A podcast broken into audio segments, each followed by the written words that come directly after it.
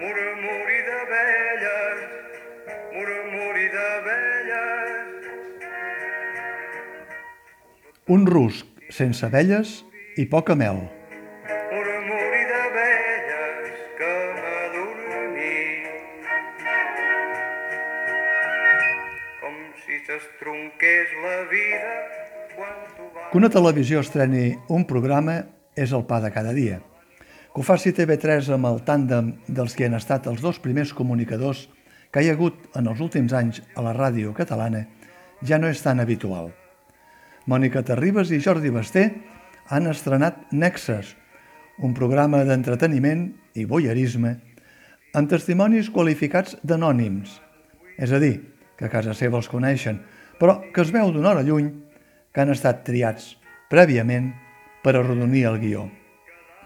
Dues hores, publicitat inclosa, d'una realització tenebrosa, amb mitjans tècnics de Mediapro, amb omnipresent càmera aèria, sobre un rusc mal il·luminat, en un enregistrament en un plató extern, a Fira de Barcelona, i amb un constant moviment del centenar de voluntaris identificats, com si juguessin a la xerranca i amb cartellets enganxats al pit, amb el nom de fons, com aquelles colles d'infants que surten a passejar pel barri de l'escola Bressol i que es mouen d'hexàgon en hexàgon segons el que els proposen els presentadors.